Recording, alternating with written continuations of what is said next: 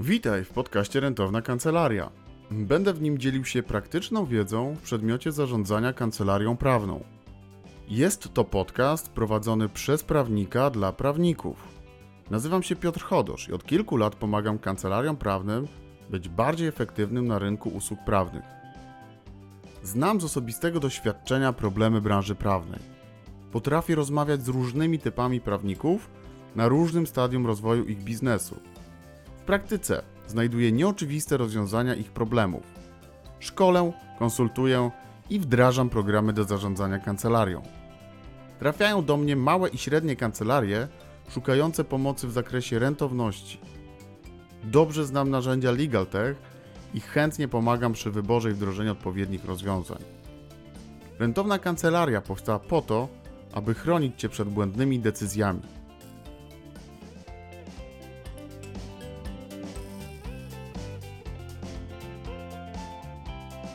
Sercem podcastu jest rentowność kancelarii.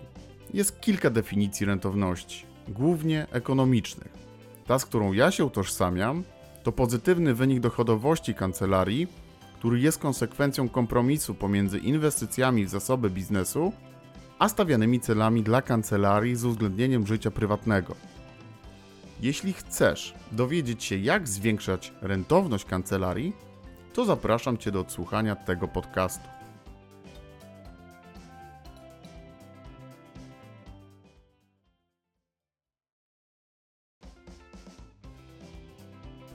Witam Cię w pierwszym odcinku podcastu Rentowna Kancelaria. Dziękuję, że poświęcasz swój czas, aby dowiedzieć się, z jakich powodów warto zadbać o rejestrację czasu pracy w kancelarii. Zanim zacznę, to krótko opowiem, co stoi za powstaniem tego podcastu. Wiele lat pracuję jako handlowiec i jestem prawnikiem. Na styku tych dwóch dziedzin bardzo niepokoi mnie sytuacja, w której my, jako prawnicy, trafiając do dostawcy oprogramowania, pierwszej minucie rozmowy z handlowcem słyszymy: Nasze rozwiązania są najlepsze, najbardziej innowacyjne. Nie ma co dalej szukać, trafił pan idealnie w punkt. Mało tego, nasze wsparcie odbiera telefony o drugiej w nocy. I zawsze chętnie panu pomoże. Kupuje pan właściwie Maybacha spośród wszystkich rozwiązań dostępnych. Po drugie, nosząc się z zamiarem zakupu oprogramowania, często sprawdzasz tylko dwie, trzy propozycje. Nie mając wiedzy o tym, że na rynku jest kilkanaście, czy może korzystniejszych, tańszych rozwiązań dla Twojej kancelarii. Stąd narodziła się koncepcja i pomysł, aby porównywać te produkty, wskazywać słabe i mocne strony, tak byś w konsekwencji źle nie trafił. Tego podcastu mogą słuchać prawnicy w różnym stadium rozwoju osobistego i biznesu. Mogą słuchać go studenci prawa, jak i partnerzy z 30-letnim doświadczeniem. Stąd będę mówił w sposób uniwersalny, tak aby każdy mógł wynieść wartość dla siebie. Na początku zdefiniujmy, czym jest rejestracja czasu pracy. Według mnie to zapisanie w programie informatycznym liczby godzin, jaką poświęcasz na sprawę klienta i kancelarii. Powtórzę. To zapisanie w programie informatycznym liczby godzin, jaką poświęcasz na sprawę klienta i kancelarii. I tym programem informatycznym może być Excel, bardzo często jest Excel, a może być też profesjonalny program, tak go nazwijmy. I teraz dla przykładu. Obsługujesz co miesiąc spółkę transportową w ramach stałej umowy. Zapisujesz ilość godzin, tak, byś wiedział, ile czasu w danym miesiącu poświęciłeś klientowi. Jeśli umówiłeś się z klientem na stawkę 200 zł, a i zapisałeś, że sprawie poświęciłeś 15 godzin, to Twoja faktura wyniesie 3000 zł netto. W drugim przypadku możesz umówić się na stałą, ryczałtową opłatę, powiedzmy te 3000 zł netto, ale ilość godzin może być różna w, w, różnych miesiącach. Czyli w jednym miesiącu możesz mieć na przykład 13 godzin, a w drugim miesiącu możesz mieć 3 godziny. W obydwu tych przypadkach mm, rejestrujesz czas. Przejdźmy do powodów. Powód pierwszy. Poznasz realną wartość Twojej pracy. Panie Piotrze, jestem radcą prawnym i w głównej mierze zajmuję się pracą na rzecz konsumentów. Nie rejestruję czasu. Wyceniam projekty na oko. Tak często słyszę od ciebie. Działając w ten sposób, nigdy nie ustalisz swojej realnej wartości pracy. Często wpadniesz w wir przepracowania, a twój biznes będzie, jak mawiała mama Foresta Gampa, będzie jak pudełko czekoladek. Nigdy nie wiesz, co ci się przytrafi. Nie dowiesz się, po jakiej realnej stawce pracujesz i nie będziesz mógł jej zwiększyć. Nie nauczysz się na zrealizowanych projektach, ile czasu ci one zajęły, i za każdym razem wycena będzie zagadką, która jak czekoladka w ustach może się gorzko rozpłynąć. No ale panie Piotrze, rozliczam się głównie ryczałtowo. Nie szkodzi. Jeśli panie mecenasie rozliczasz się ryczałtowo, powiedzmy ryczałt to 4000, a przepracujesz w danej sprawie, w danym projekcie 10 godzin, to twoja stawka będzie 400 zł za godzinę. Przy kolejnych podobnych sprawach będziesz mógł określić ilość czasu i przemnożyć przez oczekiwaną stawkę. Mm, czasem podpowiadam, aby spróbować wyliczyć sobie poziom oczekiwanego wynagrodzenia. Czyli jeśli chcesz zarabiać, na przykład mieć przychód właściwie 20 tysięcy złotych netto miesięcznie i chcesz pracować 10, 100 godzin, przepraszam, merytorycznie, to nie powinieneś przyjmować spraw poniżej stawki 200 zł, tak? Bo 100 razy 200 mamy 20 tysięcy złotych e, przychodu. I tutaj nie będzie znaczenia, czy rozliczasz się ryczałtem, czy godzinowo. Bo jeśli będziesz przyjmował sprawy poniżej 200 zł e, netto za godzinę, to nie dotrzesz do wyniku 20 tysięcy złotych netto, albo będziesz musiał wypracować większą ilość godzin tych merytorycznych, te, tych, które sprzedasz, przy niższej stawce za godzinę.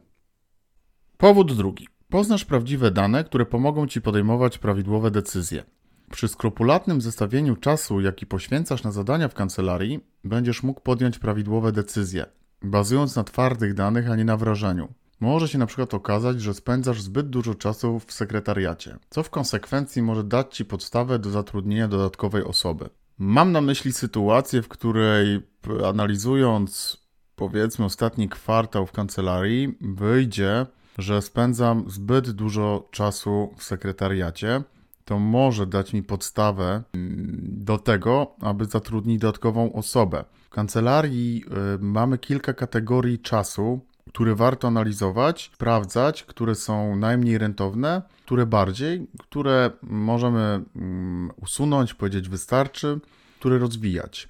Te kategorie mm, dzielą się na czynności niemerytoryczne, czyli takie, jak, takie czynności jak praca administracyjna, wystawianie faktur, właśnie wspomniana praca w sekretariacie, e, czynności merytoryczne, czyli takie typowe dla prawnika czytanie przepisów, analizowanie orzeczeń, przygotowywanie pism, udział w rozprawach. Mamy również kategorię związaną z po czasem poświęconym na własny rozwój, czyli jakby na szkolenie i naukę, i na rozwój kancelarii, czyli na nowe sposoby na komunikację, na sprzedaż, prowadzenie bloga. Tutaj dodałbym jeszcze jedną kategorię, czyli czas poświęcony na marketing, czyli social media, inne działania związane z rozwojem kancelarii. Teraz, jeśli rejestrujemy czas nie tylko w sprawach klienta, ale mm, również w kategoriach tych, które, które wspomniałem, które wymieniłem, to dajemy sobie szansę na to, żeby podejmować y, prawidłowe decyzje na podstawie czasu zapisanego w ramach i w podziale właściwie na te kategorie. Powód trzeci. Będziesz mógł płacić więcej pracownikom kancelarii. Przy dobrych rentownych projektach można zwiększać stawkę dla klientów i pracowników. Przy braku rejestracji czasu nie jesteś w stanie określić, który projekt był rentowny, a który nie. Jako przykład podam klienta kancelarii, który podpisał umowę na obsługę stałą ze sposobem rozliczenia ryczałtowym, który był na poziomie 15 tysięcy złotych. Kancelaria nie rejestrowała swojego czasu pracy, nie notowała też zadań, jakie dla tego klienta były realizowane. Partner kancelarii zaczął się niepokoić e, ilością pracy, jaką na rzecz tego klienta prawnicy realizują i mm, zaczął rejestrować e, czas pracy oraz przeliczył koszty jednej godziny dla jednego człowieka i wyszło, że pracują poniżej 5 zł na godzinę. Jeśli nie poddałby refleksji i nie zacząłby rejestrować czasu pracy, nie dowiedziałbyś się, jaki jest realny koszt współpracy. Jeśli korzystasz e, z programu do zarządzania, możesz sprawdzić, ile każdy z swoich pracowników zapisał godzin, ile z tego zostało sprzedanych i ile zostało zapłaconych. Na bazie tej wiedzy możesz kształtować politykę zatrudniania i wynagrodzeń aplikantów i swoich współpracowników. Powód czwarty. Dowiesz się, ile realnie czasu kosztuje Cię obsługa projektu sprawy. Klienci w niektórych sprawach płacą sporą sumę na początku, później obsługujemy ich y, ponosząc koszty. Finalnie po zakończeniu sprawy, przy braku rejestracji godzin, nie jesteśmy w stanie ocenić, czy klient i jego sprawa były dla nas rentowne, bo trudno będzie policzyć y, to bez zapisywania czasu. Podobnie sprawa się ma do projektów wynagradzanych na zasadzie success fee. Kancelarie ponoszą koszty, których nie liczą, a później też nie są w stanie odtworzyć y, struktury poniesionych kosztów. Powód piąty. Będziesz mógł przedstawić klientowi w każdej chwili realny nakład, jaki poświęcasz na prowadzenie jego spraw. Klienci oczekują transparentnych układów. Chcą wiedzieć, jaki status mają ich sprawy prowadzone przez kancelarię. Sprzedając swoje usługi, możesz użyć argumentu, że jest, rejestrujesz czas pracy i w każdym momencie podzielisz się z klientem ilością godzin przepracowanych. Tak, aby on miał komfort i, i poczucie panowania nad swoimi finansami. I jakby ten powód pomaga zrozumieć klientowi, e, ile kosztuje ciebie prowadzenie jego sprawy. Powód szósty. Zestawianie czasu pracy może pomóc ci wyjść z przepracowania. Uwierz mi, że jeśli zaczniesz zapisywać rozmowy telefoniczne z klientem po 18 i trafią one do timesheetu, klient będzie dzwonił mniej. Co może powodować y, mniejszą ilość godzin Twojej pracy, za które nie bierzesz pieniędzy? Często mam takie rozmowy z prawnikami, że klienci dzwonią właśnie po 18 czy późno, późnym wieczorem. Prawnik tego nigdzie nie zapisuje. Są to wielo, wiele, wiele mm, godzin właściwie prawnicy roz, rozmawiają, rozmawiasz e, z, z klientami. To się nigdy nie znajduje na timesheetach. Nigdy też nie analizujesz, ile tak naprawdę czasu ci zabierają. Powód szósty. Zestawianie czasu pracy może pomóc ci wyjść z przepracowania. Może być tak, że jeśli zaczniesz zapisywać rozmowy z klientem, które odbywasz wieczorem i one trafią do timesheetu klienta, on będzie dzwonił mniej. Co w konsekwencji może spowodować mniejszą ilość godzin Twojej pracy, za które nie bierzesz pieniędzy. Mogą wzrosnąć Twoje stawki, mogą być lepiej wyceniane sprawy. Analityką obejmiesz klientów, projekty, sprawy Będziesz wiedzieć, czego nie kalkuluje się robić, komu podziękować, a które współprace są nierentowne. I, co w, i to w konsekwencji mm, pomoże ci wyjść z przepracowania. Powód siódmy. Będziesz lepiej poruszał się po modelach rozliczeń. Przy zapisywaniu czasu pracy może okazać się, że jednym z korzystniejszych modeli będzie na przykład model mieszany. Mam tu na myśli łączenie ryczałtu z rozliczeniami godzinowymi dla klienta, obniżanie, zwiększanie stawek godzinowych. Może się okazać, że kalkuluje się przejść z obsługi godzinowej na ryczałt albo odwrotnie.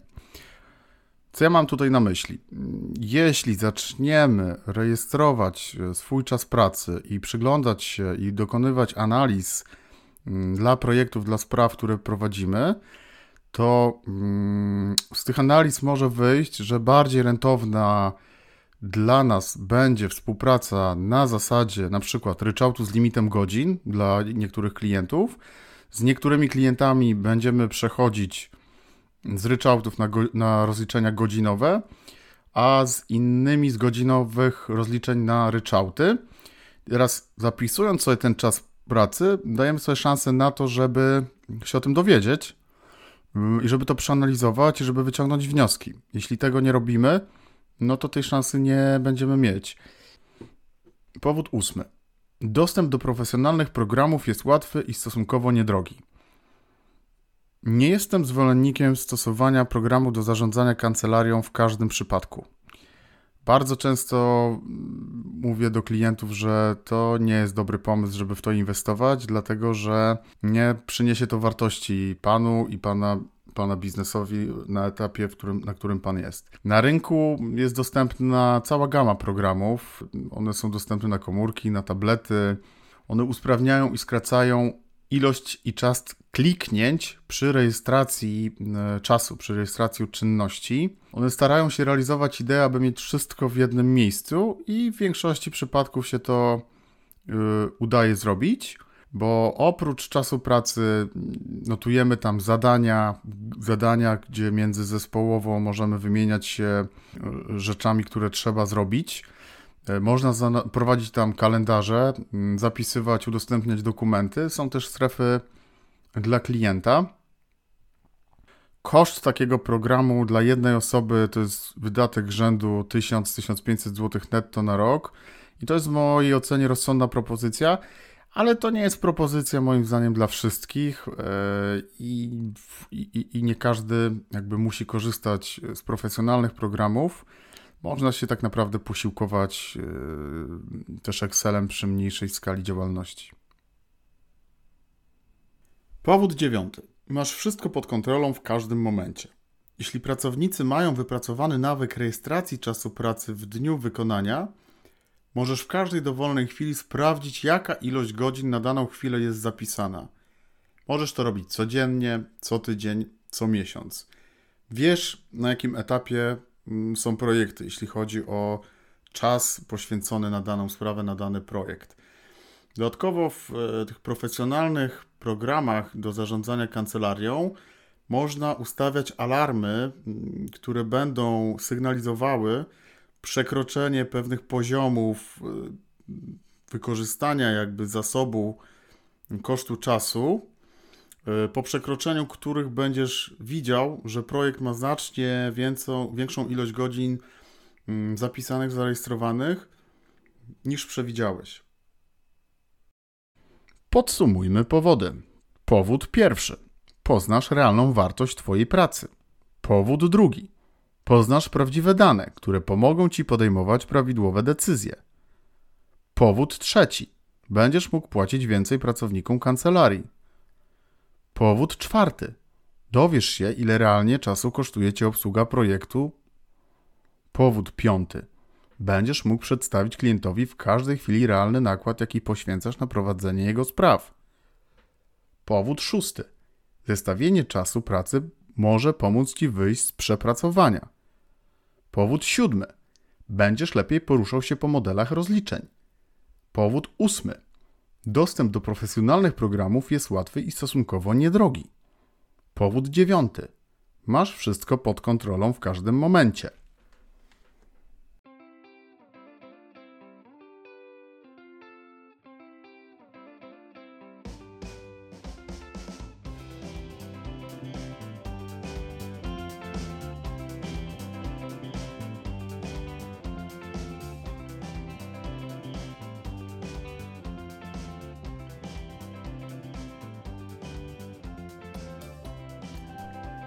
Mam nadzieję, że ten odcinek był dla Ciebie wartościowy, że pomoże Ci poddać refleksji finanse Twojej kancelarii.